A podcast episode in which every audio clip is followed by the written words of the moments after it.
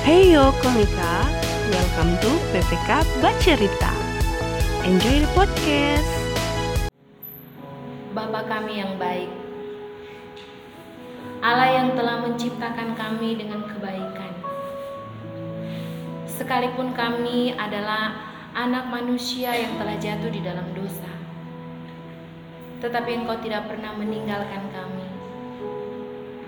Engkau tidak pernah membiarkan ciptaanmu yang telah rusak karena dosa itu binasa, tapi Engkau memilih mengasihi kami, Tuhan. Dan Kau datang ke dalam dunia ini bukan untuk menghakimi kami, tapi untuk menyelamatkan kami. Betapa besarnya kasih-Mu Tuhan bagi kami.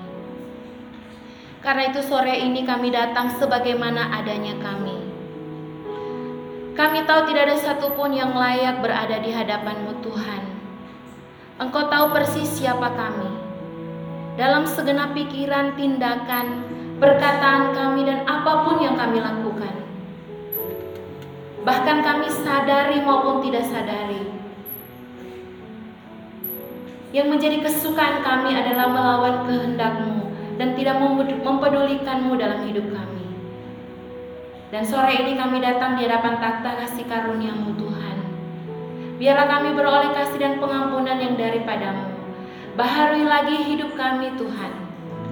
Ingatkan kami bahwa kami adalah anak-anakmu yang telah kau kasihi dengan pengorbanan Kristus yang besar di dalam hidup kami. Ingatkan kami lagi ya Tuhan bahwa betapa berharganya hidup kami di matamu Tuhan. Dan biarlah menikmati persekutuan denganmu, membaca firmanmu, dan melayanimu menjadi kesukaan yang baru di dalam hidup kami. Berbicara Tuhan melalui kebenaran firmanmu pada sore hari ini. Di dalam nama Tuhan Yesus kami berdoa. Amin. Selamat sore semua. Lagi selamat sore semua. Ini solewat Kang Jamanganto ya. Dan kita akan merenungkan firman Tuhan di bawah tema Nobody loves me like you. Kak pikir so tahu semua siapa you di sini? You yang mana ini? Huruf besar atau huruf kecil? huruf besar ya. Mari kita membaca bagian firman Tuhan ayat kita itu di dalam Yohanes 3 ayat 16. Tapi Kak Ois mengajak kita membaca Yohanes 3 ayat 14 sampai 21. Sebelum membuka Alkitab, hafal Yohanes 3 ayat 16. Ada ahli teolog yang bilang itu e, isi ringkas dari Injil Yohanes 3 ayat 16. Coba kita baca tanpa Alkitab. 2 3. Karena begitu besar kasih Allah akan dunia ini sehingga Ia memberikan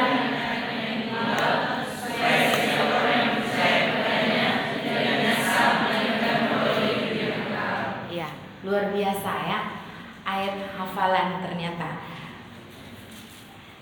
Adik-adik sekalian bersyukur ya kita mengenal ayat itu dan sore hari ini kita kembali akan memperdalam ayat yang sudah dihafal oleh adik-adik sekalian itu. Mari kita baca dari Yohanes 3 ayat 14 sampai 21.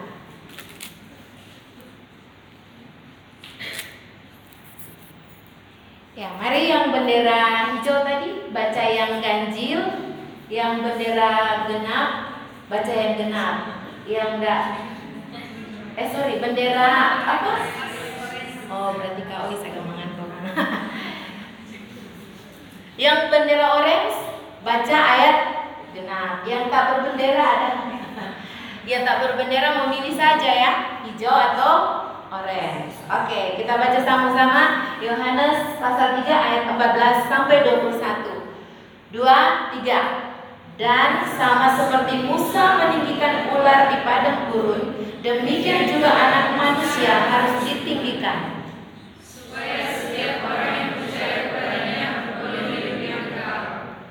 Karena begitu besar kasih Allah akan dunia ini, sehingga ia telah mengaruniakan anaknya yang tunggal, supaya setiap orang yang percaya kepadanya tidak binasa, melainkan beroleh hidup yang kekal.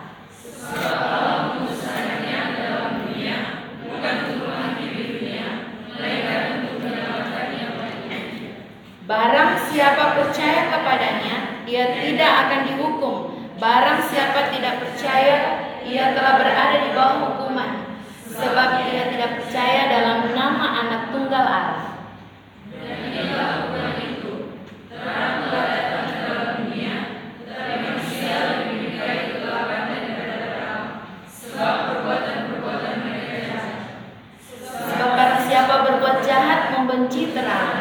Tidak datang pada terang itu supaya perbuatan-perbuatannya yang jahat itu tidak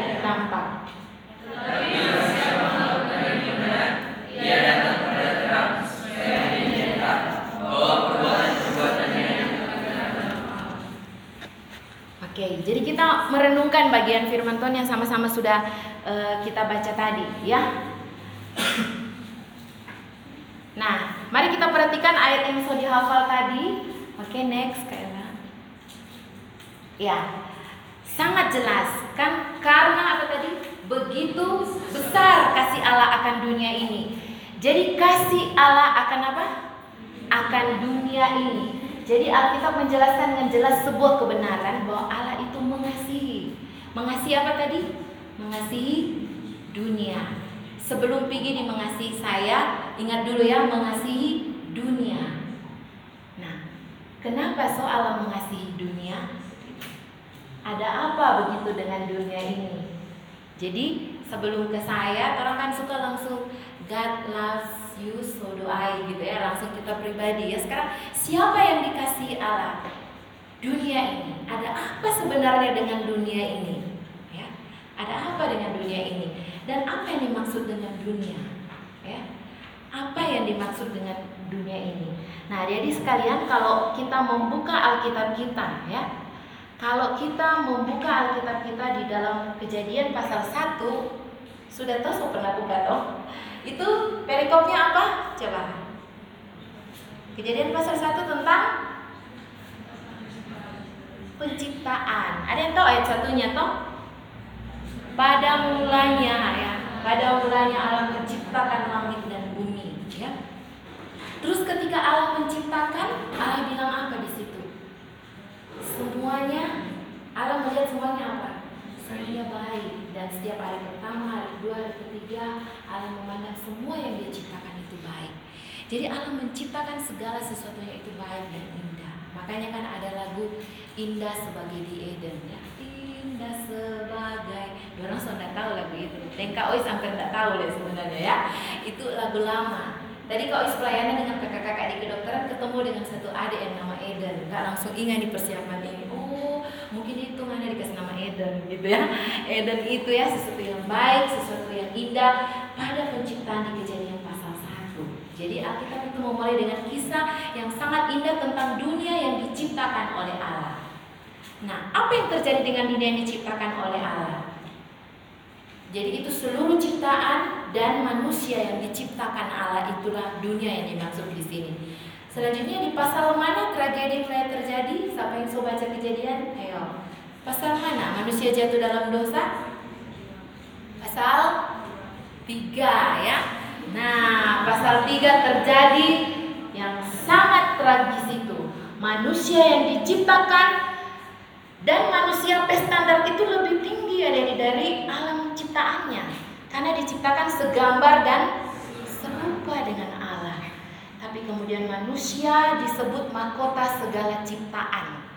Itu jatuh di dalam dosa, ya. Manusia mahkota segala ciptaan itu jatuh di dalam dosa sekalian. Dan di situ dunia menjadi rusak, ya. Jadi apa yang terjadi ketika manusia rusak? Ketika manusia ketika manusia rusak jatuh dalam dosa, Adam dan Hawa waktu Tuhan mengunjungi taman, apa yang terjadi? Ini kalau kakak-kakak yang road stick, orang so hafal ini cerita ini. Apa yang terjadi? Bersembunyi gitu ya Adam dan Hawa. Kenapa bersembunyi? Takut ketemu dengan Tuhan. Rusak itu hubungan jenis apa? Hubungan dengan Tuhan. Jadi tanda-tanda manusia berdosa adalah tidak merindukan Tuhan, teman-teman. Orang mau ibadah itu siapa yang mau ibadah itu dia e, natural suka beribadah.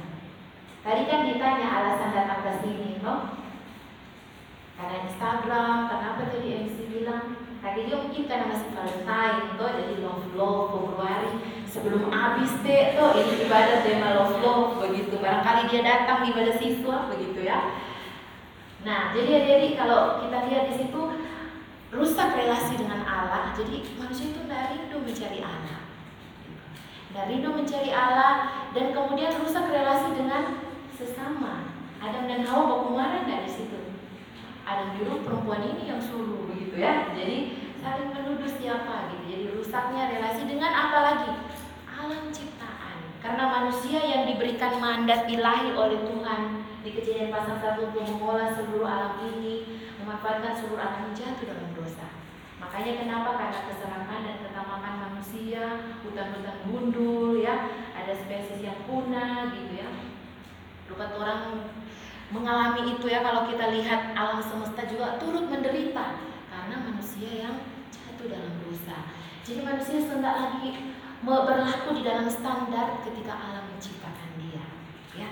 Nah, kalau adik-adik membuka kejadian mulai dari kejadian pasal 3, di situlah Alkitab mengisahkan secara transparan bagaimana jatuh bangunnya hidup manusia karena setelah berbuat dosa.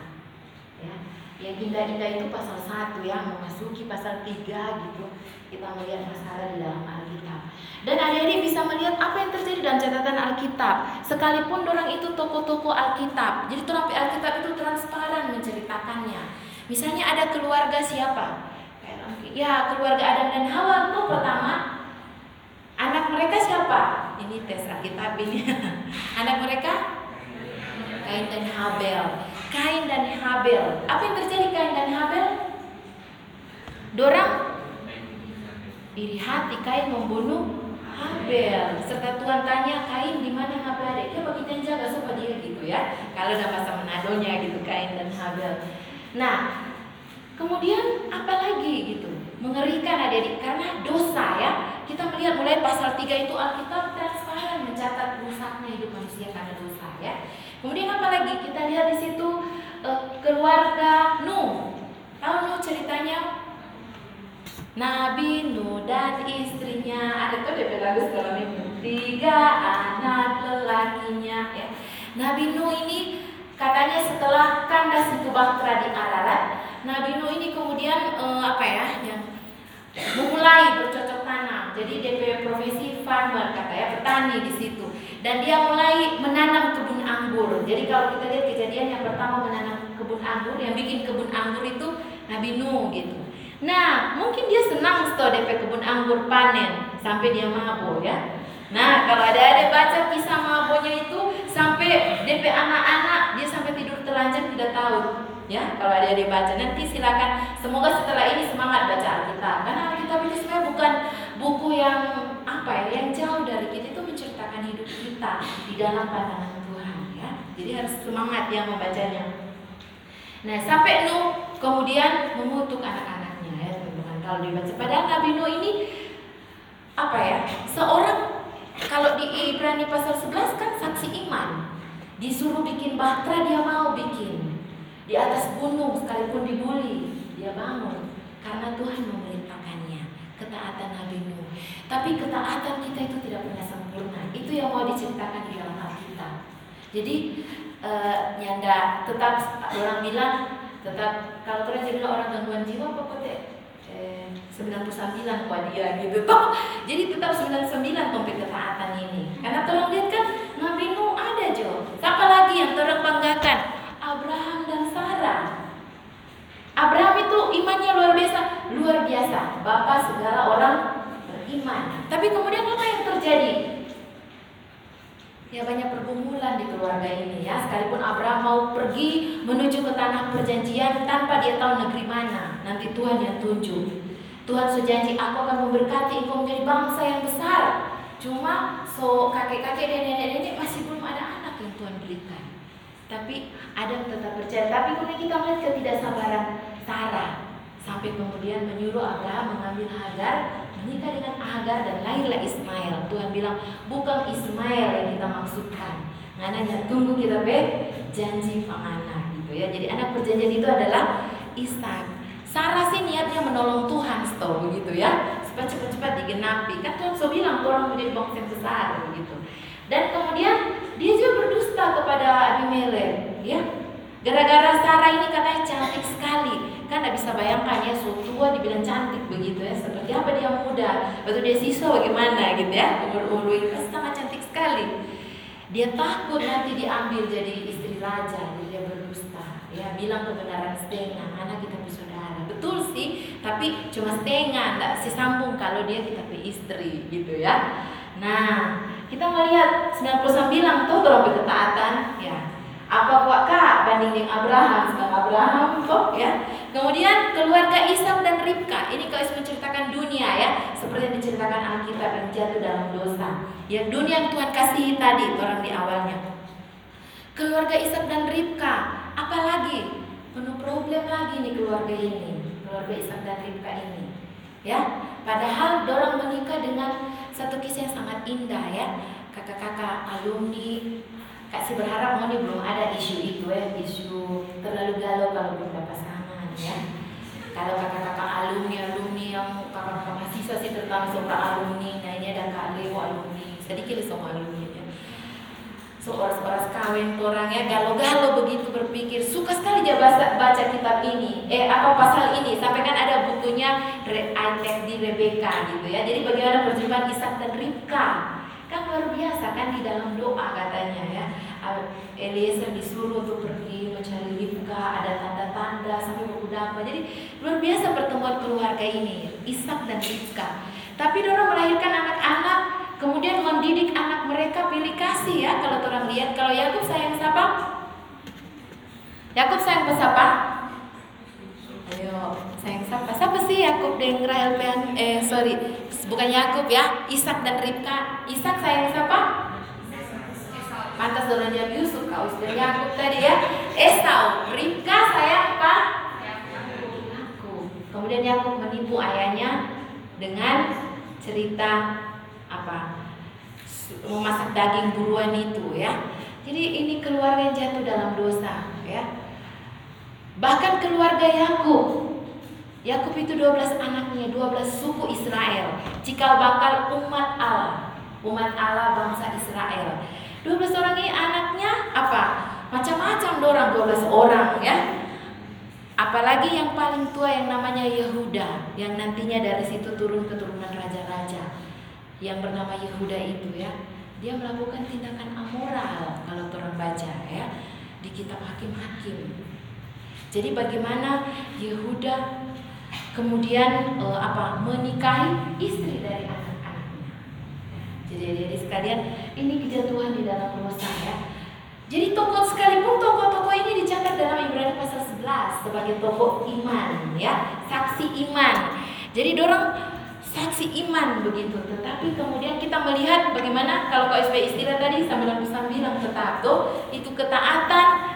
Belum lagi kalau kau mau sambung pulang kapan tuh orang? Kalau kau mau cerita itu di kejadian itu belum kau mau cerita Daud siapa lagi? Daud itu karena dia suka Sheba sampai dia rancang supaya Bathsheba bersuami Uria panglima perangnya yang sangat setia itu harus mati di medan perang. Cuma karena DB rencana untuk mengambil Pak Bathsheba jadi seorang yang Tuhan bilang seorang yang berkenan yang menciptakan lagu banyak sekali Daud ini. Mazmur kan kebanyakan ditulis oleh Raja Daud, ya, tapi jatuh di dalam dosa yang luar biasa, ya. Nah, jadi ini kita lihat dunia yang dikasih oleh Allah itu ya. Lanjut deh. Uh, Kira-kira bagian ini bagaimana dengan kita hidup saat ini? Bagaimana dengan kehidupan kita saat ini?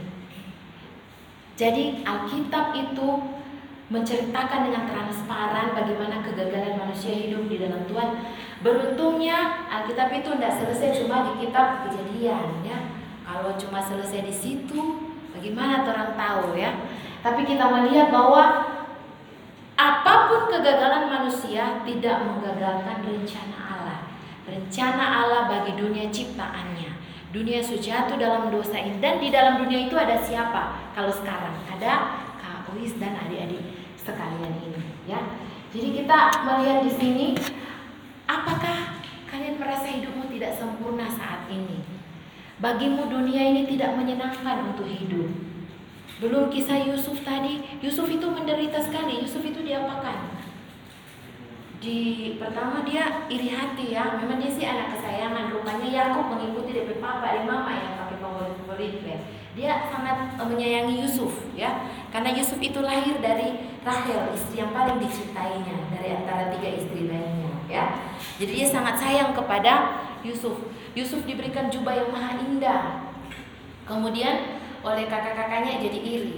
Kemudian mereka menjual Yusuf kepada kafilah yang lewat, saudagar yang lewat. Setelah dijual dia kerja di rumah Potifar. Di rumah Potifar dia diapakan? Difitnah, masuk penjara, ya. Baru apa lagi?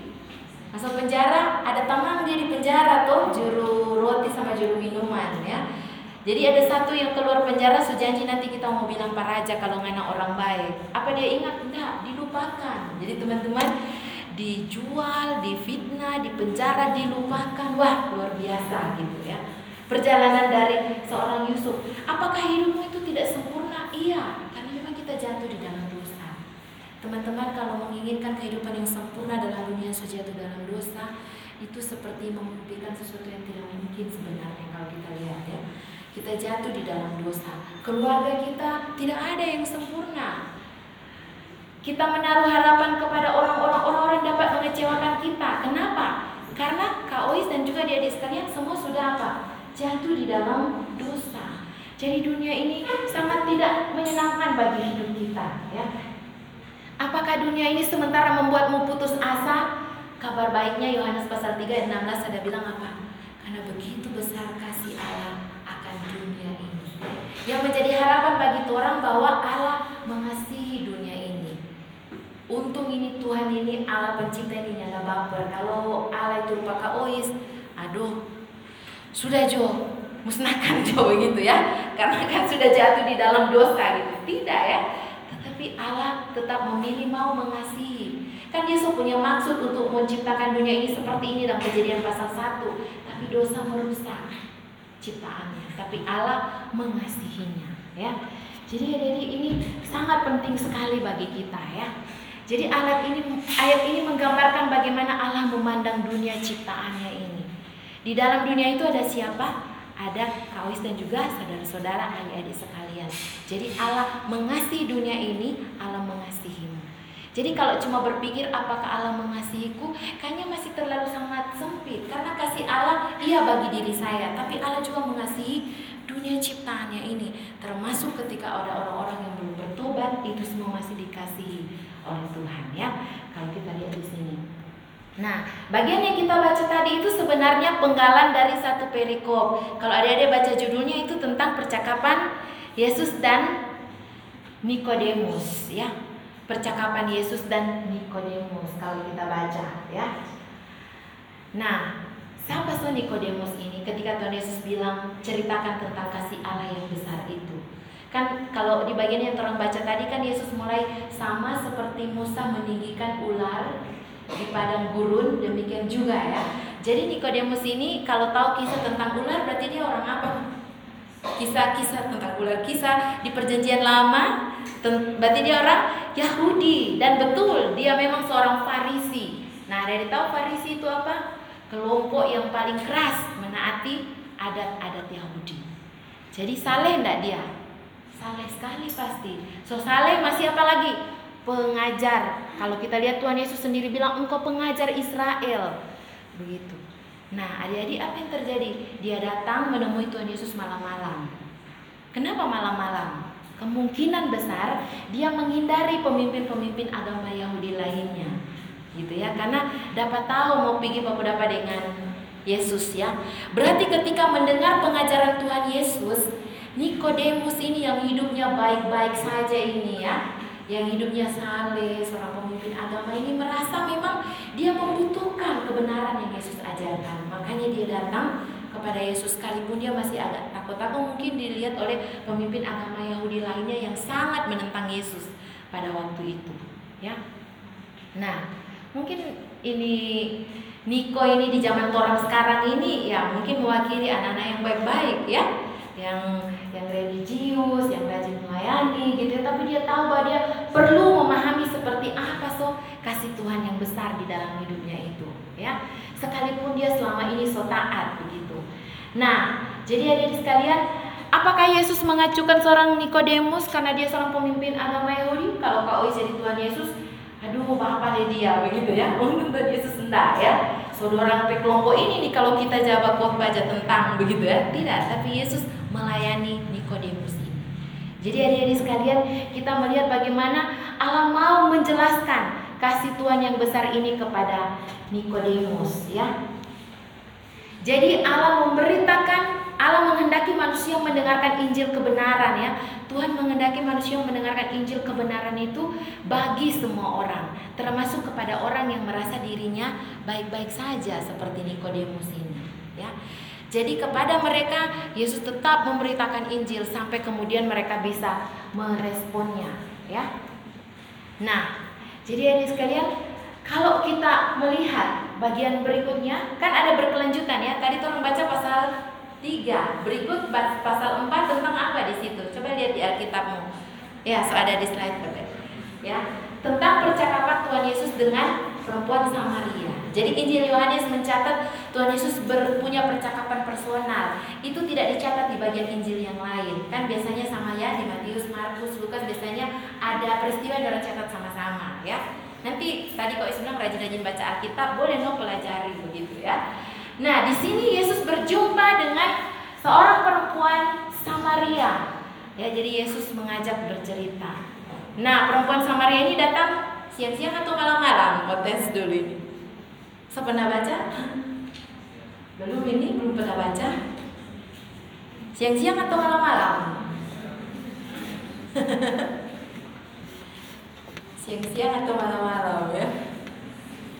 Siang-siang ke sumur kan itu jam makan siang. Yesus kan bilang murid-muridnya lagi pergi mencari makanan. Kemudian Yesus tetap di situ dan dia bertemu dengan perempuan yang ambil air siang-siang. Di dalam tradisi sebenarnya nyata ada katanya yang ambil air siang-siang. Jadi dia mungkin mau datang pas perigi lagi sumur lagi apa ya? Lagi sepi. Mungkin dia menghindari orang-orang. Ada masalah di dalam hidupnya. Dan Yesus ketemu dengan dia dan benar. Yesus bilang padamu Engkau sudah punya lima suami toh, tapi yang ada padamu sekarang juga bukan suamimu, begitu ya. Jadi adik-adik bisa baca di Yohanes pasal 4. Berarti ada perkumpulan di dalam hidup seorang perempuan Samaria ini, ya. Jadi kita melihat bagaimana Yesus mau menemui mereka, menyampaikan kebenaran, ya. Jadi kalau orang rupa Nikodemus itu orang nado bilang tapi terang, gitu ya. Maksudnya karena dia tahu banyak hal, dia sudah tahu bahwa dia merasa dia cukup baik begitu selamat, tapi Yesus harus menjelaskan kasih Allah bagi dia. Ya. Kemudian ada orang-orang seperti perempuan Samaria.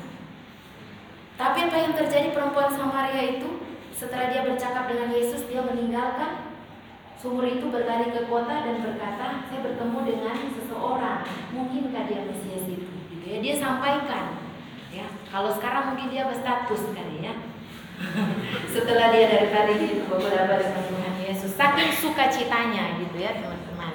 Nah tahu statusnya adik-adik apa kalau suami berstatus di FB Apakah membagikan sukacita ketemu Tuhan Atau sukacita karena melihat dia begitu cuma ya? Biasa kan SMA so ada di romantisme-romantisme sedikit begitu ya. Karena Kak Ois juga pernah muda gitu kayak lagu BCL ya. Eh masih muda sih Kak sampai sekarang. Ya. Jadi adik-adik uh, seperti itu ya. Bagaimana ketika Yesus kemudian uh, bertemu dengan orang-orang ini. Jadi apa yang kita bisa lihat dari bagian ini? Orang yang merasa dalam keadaan baik, keadaan baik yang hidup yang hidupnya tidak bermasalah dan merasa bermasalah kepada mereka Injil kasih Tuhan itu diberitakan. Karena tanpa Kristus tidak ada seorang pun yang akan selamat. Bagian yang kita baca tadi kan, Eh, kesalehan orang, Kak Wis kasih contoh tadi berapa? 100% atau 99% toh tidak ada yang dapat memenuhi standar. Abraham sekalipun para tokoh-tokoh Alkitab dan e, Roma bilang bahwa Abraham diselamatkan karena percaya. Ada yang bisa baca di kitab Roma nantinya ya. Jadi sebanyak PR dari Kak ya. Jadi harap baca Alkitab ketika pulang dari komik ya. Nah, jadi adik-adik kita lihat di sini ya Injil Kristus itu memang harus diberitakan ya bagi setiap orang ya melayani Nikodemus berarti uh, tidak mengenal apa pun latar belakangnya dia harus kasih tahu Kadang orang berpikir, ah Injil itu cuma bagi orang yang lagi dalam masalah. Tidak ya teman-teman. Kak Ois itu berjumpa dengan Tuhan tertemplak sekali dengan Roma pasal 3 yang bilang semua orang telah berdosa kehilangan kemuliaan Allah. Waktu itu kau merasa ah kita cukup baik kok untuk selamat. Kita kok seksi ibadah di pemuda remaja di gereja. Kita juga pengurus OSIS zaman Kak Ois ya. Pengurus OSIS apa namanya sih masih OSIS toh? Pengurus osis bilang ketakwaan gitu. Uh atur ibadah siswanya. Ada pelsi sih waktu dorang kak zaman dulu ya. Atur ibadah-ibadah jual rohani begitu kita ya. Tapi ketika firman Tuhan diberitakan kita menyadari bahwa kita tanpa Tuhan akan binasa. Kan? Karena begitu besar kasih Allah akan dunia ini sehingga ia mengaruniakan anak yang tunggal supaya setiap orang yang percaya kepadanya tidak binasa melainkan beroleh hidup yang kekal. Jadi kasih Tuhan itu sangat pasti untuk semua orang, ya. Janjinya itu sangat pasti bagi semua orang. Jadi bagaimana dia menunjukkan kasihnya? Bagaimana dia menunjukkan kasihnya itu? Bagaimana dia menunjukkan kasihnya itu dengan mati di kayu salib? Kan dikatakan diberikannya anaknya yang tunggal. Diberikan seperti apa? Diserahkan untuk mati karena dosa-dosa. Diserahkan untuk mati karena dosa-dosa kita. Jadi adik-adik sekalian, kematian Yesus di kayu salib itu untuk menjadi penebus dosa kita. Kalau di perjanjian lama kan, dorang itu pakai anak domba Allah. Eh sorry, anak domba ya. Makanya kalau Yohanes, Injil Yohanes mengatakan lihatlah anak domba Allah yang menghapus dosa isi dunia. Karena di perjanjian lama itu kalau berdosa, kalau dia dibaca kitab imamat, nah sudah tambah lagi. Oh, berarti semua kitab jual-jual baca ya. Di kitab imamat itu kan ada banyak jenis-jenis korban, penghapus dosa ini, penghapus dosa itu ya. Bayangkan tulang hidup mesti sedia anak domba begitu terus dia berbuat dosa eh, dapat tahu kenapa Julio Supi bawa domba? Dia apa dia? Gitu ya misalnya. Jadi kita membawa korban penghapus dosa tapi Allah menyediakan anak domba Allah mati bagi dosa-dosa kita. Bagi kita kasih karunia tapi bagi Allah harganya mahal dibayar. Jadi nilai hidup kita itu adalah senilai dengan darah Kristus ya. Nah, adik-adik uh, kabur di gambar. Tempat gambar sudah aja durasi kan apakah Marcos suka seingat apakah Ois. Jadi ini adalah uh, sungai Gangga di India. Nanti kan bisa googling sendiri, DP jelas nanti lihat salah gitu ya. Baca PR Ois ini baca kitab, googling gitu ya. Jadi sungai Gangga ini adalah sungai suci bagi orang jadi adik-adik ada kisah katanya seorang ibu membawa DP anak yang cacat. Mau diapakan, mau ditenggelamkan di sungai Gangga sebagai persembahan kepada dewanya. Jadi bayangkan ya teman-teman, orang orang persembahan siapa? Kristus yang sudah disembeli sebagai anak domba Allah dan kematiannya di kayu salib. Terus waktu ditanya, oh kenapa? Uh, sorry, Kak Oi salah jelaskannya. Jadi dia membawa seorang anak yang sehat-sehat dibawa di sungai Gangga untuk ditenggelamkan. Terus waktu orang tanya dia bilang, ibu punya anak berapa sampai anaknya ini ditenggelamkan? Dia bilang, oh ini anak yang sehat. Kita punya satu anak di rumah tapi kita punya anak cacat. Tapi kita ingin mempersembahkan yang terbaik kepada dewa. Ya. Jadi anak cacat tidak dipersembahkan, dipersembahkan yang terbaik. Gitu. Bayangkan manusia bergumul bagaimana untuk bisa e, menebus dosanya, tahu bahwa dia dibawa murka Allah. Tetapi di dalam Kristus setiap kita telah ditebus oleh darahnya. Ya. Jadi apa yang Tuhan minta? Tuhan yang minta apa-apa, hanya percaya kepada Dia ya. Jadi dari Sungai Gangga ini mengerikan ya kalau kita e, googling di situ bisa ada mayat timbul hidup-hidup karena ada yang memang dipersembahkan begitu ya untuk dewa-dewa mereka itu contoh dunia jatuh ke dalam dosa terang sudah datang ke dalam dunia tapi dunia tidak mengenal terang itu ya dan Allah mengasihi suku India ini itu kan yang bikin Mother Teresa pergi ke India. Uh, siapa lagi? Film Candle in the Dark biasanya diputar kali yang pernah diputar ya. Candle in the Dark itu William Carey pergi ke India. Cuma karena ingin memberitakan Injil supaya orang-orang India tidak hidup di dalam kegelapan. Supaya orang tahu kasih Tuhan yang sangat besar atas hidupnya. Itu kalau orang yang menyadari kasih Tuhan, dia pasti tahu Tuhan mengasihi dunia ini, maka dia akan mengasihi orang-orang yang belum percaya. Ada satu lagu yang terkenal, kayaknya semua tahu deh ini lagu ini kan. Kau is cuma ambil DPRF, apalagi KPP, mana KPP? so menghilang KPP. Biasanya oh ada Bang Renat di belakang yang boleh yang menyanyikan lagu ini dan Bang Renat protes karena sorry sorry tidak disuruh menyanyi. Bang Renat protes ini oh lagu ini harus ganti ini harus ganti dengan Jesus at the center of it all harus ganti katanya bercandanya. Jadi kan dibilang di sini I climb every mountain, I climb every mountain, swim every ocean. Just apa? Just to be with you and fix what I tahu ternyata ya. Ini cewek kalau dinyanyikan ini kelepot-kelepot ini ya lagu ini gitu. Kak Roman mana yang suara Kalau Kak Leo jangan. Jadi adik-adikku sekalian, ini tapi tahu enggak sebenarnya yang Tuhan lakukan lebih jauh dari itu. Tuhan mengasihi kita. Kan dibilang di sini balik lagi deh tadi I climb every mountain and swim every ocean untuk menggambarkan maksudnya dalam rangka dia mencintai seseorang dia melewati banyak hal gitu.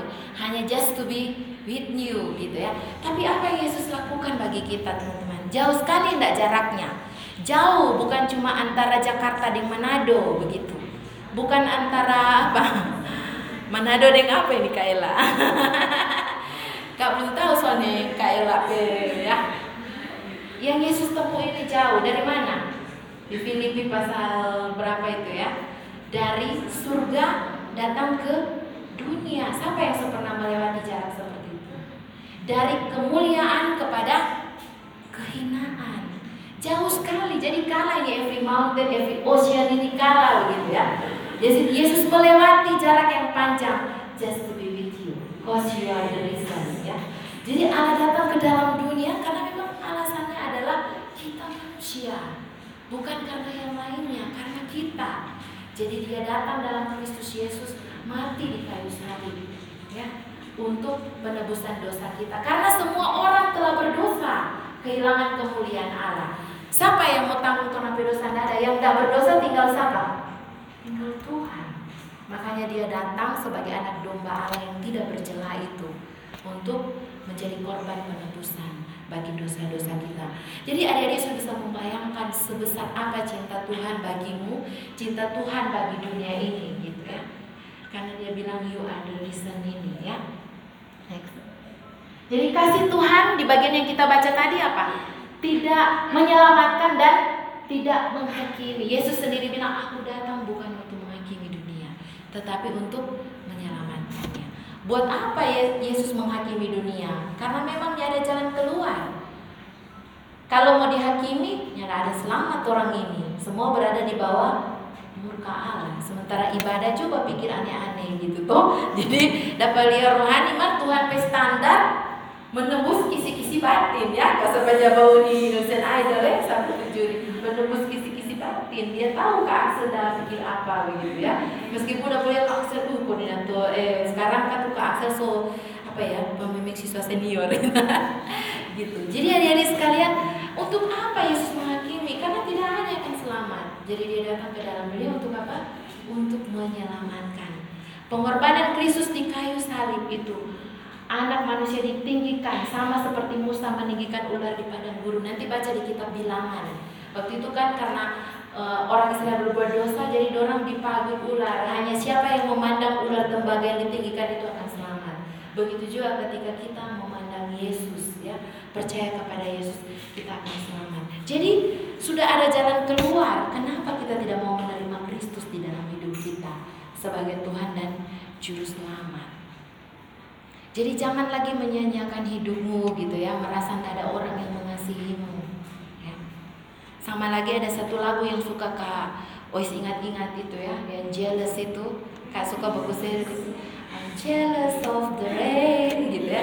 You happy without me ya. Jadi Tuhan bilang wah you happy without me karena kita tuh happy itu tanpa kita adalah kebinasaan gitu ya. Jadi I'm jealous ya you happy without me. Nah apa yang menahan Yesus di kayu salib? Bukan paku adik-adik. Apalagi dikasih panas, itu kau bilang Tuhan ini bukan baper-baper. Kalau kau memang kau turun dari salib, tuh hanya anak Allah begitu tuh selamatkanlah dirimu dan kami gitu. Oh nggak ada butuh bukti kalau kayak Tuhan Yesus itu ya. Tapi tidak. Yang menahan dia di kayu salib bukan paku, betapa berapa susah paku itu dia mau turun ya. Tetapi ketaatannya pada rencana keselamatan karena ia mengasihimu. Ya, memang dia harus mati di kayu salib ya. Jadi tidak ada bukti yang seperti itu. Tidak ada bukti cinta yang sebesar apa yang Yesus berikan bagi kita. Cinta manusia boleh gagal. Kenapa gagal? Karena tadi orang 99 toh. Jadi uh, sudah jatuh dalam dosa. Untuk menaati, menaati, menaati janji susah sekali begitu kadang-kadang ya. Ini kakak KTB coba ya. Yuk kak jam 4 kita datang KTB. Mak datang jam berapa? Setengah enam ya. Terus cek para cek lihat lihat story di mana? Di mana tampak ngumpul sekarang sih? Sisa-siswa lihat story ada bawa uni gitu ya. Ada bawa uni sudah no. So menyanyi kakak KTB yang jelas tadi, ah you happy without me lagi gitu ya. Jadi adik-adik yang menahan Yesus di kayu salib itu bukan paku tapi ketaatannya pada rencana keselamatan karena ia mengasihimu ya adik-adik sekalian jadi ingat kasih Tuhan itu menyelamatkan dan tidak menghakimi. Bagaimana bagi bagi yang tidak percaya? Yang tidak percaya kalau di perikop yang kita baca tadi tetap berada di bawah hukuman. Nah, adik-adik jangan membayangkan hukuman itu nanti neraka. Sebenarnya hukuman itu sudah diterima-terima dari sekarang di dalam dunia ini. Kenapa? Karena tetap berada dalam keadaan yang gelap, menyukai kegelapan itu dan hidup dalam tetap seperti itu ya. Di dalam ayat yang ke-19 tidak mengalami kasihnya yang memulihkan hidupmu. Yang pornografi semakin dalam semakin dalam dan semakin dalam lagi jatuh di dalam pornografi ya. Yang kecanduan game semakin dalam semakin dalam semakin dalam lagi. Ini bukan games e-sport ya nggak maksudkan ya. Tapi yang kecanduan begitu ya semakin dalam karena kasih Kristus yang sebenarnya ditawarkan di dalam hidupmu untuk memulihkan. Jadi sebenarnya e, neraka itu bukan nanti ya. Ketika kita membayangkan ilustrasi yang begitu banyak ya, penjelasan yang begitu banyak masuk nanti di dalam api yang terbakar, api yang sangat panas, lebih panas dari apa api apa pun dalam dunia ini. Tapi sebenarnya keselamatan dari Tuhan itu menyelamatkan hidupmu sejak dari sekarang, sejak dari masa mudamu, ya jangan nanti somo amper-amper toh baru bertobat gitu ya. Dari sekarang setelah so masuk penjara so korupsi so macam-macam nanti umur berapa 60-an baru mencari Tuhan ya. Bawalah hidupmu sejak masa muda ini. Sebenarnya Kak Ois iri kepada kalian ya karena Kak Ois nanti bertobat di kampus. Kalian sudah menerima Yesus sejak masih siswa masih SMA begitu lebih cepat begitu untuk mengerti kasih Tuhan yang besar di dalam hidup. Ya. Jadi renungkanlah, terimalah kasihnya yang tidak menghakimimu, tapi kasihnya yang menyelamatkanmu supaya hidupmu mengalami pemulihan. Ya, kenalah Tuhan di dalam kasihmu. Jadi apa yang dilakukan? Kemudian setelah kita menerima kasih Tuhan ini, mengerti kasih Tuhan yang sangat besar bagi kita. Ya, boleh lanjut Kaila? Nah, berarti kita pun harus memandangnya seperti Allah memandang dunia ini. Karena begitu besar apa? Kasih Allah akan dunia ini. Jadi dunia ini berarti bukan cuma kita sendiri ya. Dunia ini yang sudah rusak ini kita mengasihi karena Tuhan mengasihi dunia ini. Dunia ini milik Tuhan. Ada buku, ada lagu lama itu yang mungkin yang yang bagus sebenarnya ini dunia Bapa. Jadi mengingatkan kita bahwa uh, lagu lama itu mengingatkan kita bahwa dunia ini adalah milik Allah. Seberapa tidak menyenangkannya mungkin ya bagi beberapa orang merasa tidak menyenangkan dunia ini tapi dunia ini milik Allah. Dan Allah mengasihinya. Jadi kasih Tuhan itu tidak berarti cuma kita. Kalau kita mengenal kasih Tuhan kita tahu Tuhan juga mengasihi orang lain. Bahkan kita teman yang belum bertobat sekalipun. Bahkan kita teman yang belum mengenal Tuhan sekalipun. Jadi sesama dan ciptaannya. Jadi adik-adik, dosa ini kan merusak ya. Ada orang suka bilang dosa kok kita pedosa, kita mau pusing gitu ya. Padahal orang pedosa pasti berdampak tidak ke orang. Berdampak pasti ke orang lain begitu. Jadi kasih Allah itu tidak hanya bagi orang pediri, kasih Allah juga itu harus dirasakan oleh orang lain, sesama dan juga oleh ciptaannya. Seperti yang kau bilang tadi, kisah-kisah seperti William Carey itu yang pergi ke India, tidak ada urusan apa-apa, tapi karena kasih Tuhan yang mengirim dia ke sana gitu. Ada banyak sih contohnya ya. Nah, berarti kita pun mengasihi alam ciptaannya. Kan alam ini rusak karena apa? Karena kesalahan manusia juga ya cintai lingkunganmu ya ibadah siswa topiknya apa ya kemarin yang pungut-pungut sampah itu kan bak pungut sampah. Ada pungut betul ini atau dalam rangka buat foto. Ada ada pungut betul toh. Jadi itu pun bukti dari kita mengasihi alam ini sebenarnya milik Tuhan. Yang dia kasihinya. Jadi kasih Allah yang kita terima itu adalah kasih yang memulihkan hidup kita dan juga berdampak bagi sekitar dan juga bagi uh, lingkungan kita ya.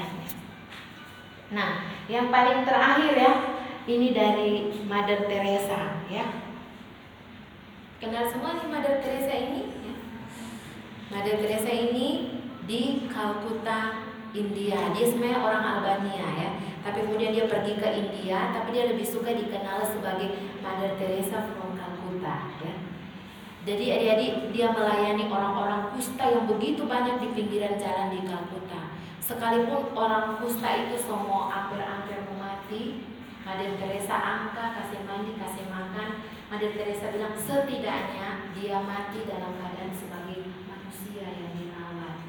Jadi dalam hidupnya di dunia, dia sempat terima kasih Tuhan melalui orang lain di dalam dunia ini. Paling tidak itu Mother Teresa bilang. Kan ada orang bilang, bikin apa mau urus dia, mau begging panitia Sony boleh, oh sama ini Sony boleh gitu. Apa manfaatnya bagi orang-orang yang sesekarat mau dilayani? Tapi Mother Teresa melayaninya. Karena kasih besar, Mother Teresa bilang setidaknya di detik-detik terakhir hidupnya dia merasakan kasih Tuhan dari orang lain, gitu ya. Jadi kalimat yang sangat terkenal dari dia adalah lakukanlah hal-hal yang kecil tapi dengan kasih yang besar. Karena Allah kita adalah kasih. Jadi itu pun harus dimiliki di dalam hidup kita. Jadi lakukanlah hal-hal yang kecil dengan kasih yang besar, yaitu standar kasih Allah. Nobody loves me like you. Seperti tidak ada yang mengasihi kita seperti Tuhan mengasihi kita ya. Sebenarnya kalau ada di lagunya like you do ya. Karena kasihnya kan itu menuju kepada apa yang Yesus lakukan, bukan konsep ya. Jadi jadi ingatlah kasih Tuhan sangat besar di dalam hidupmu. Jangan menyia-nyiakan hidupmu sejak masa muda ini karena you are the reason ya. Dia datang ke dalam dunia ini. Mari kita berdoa.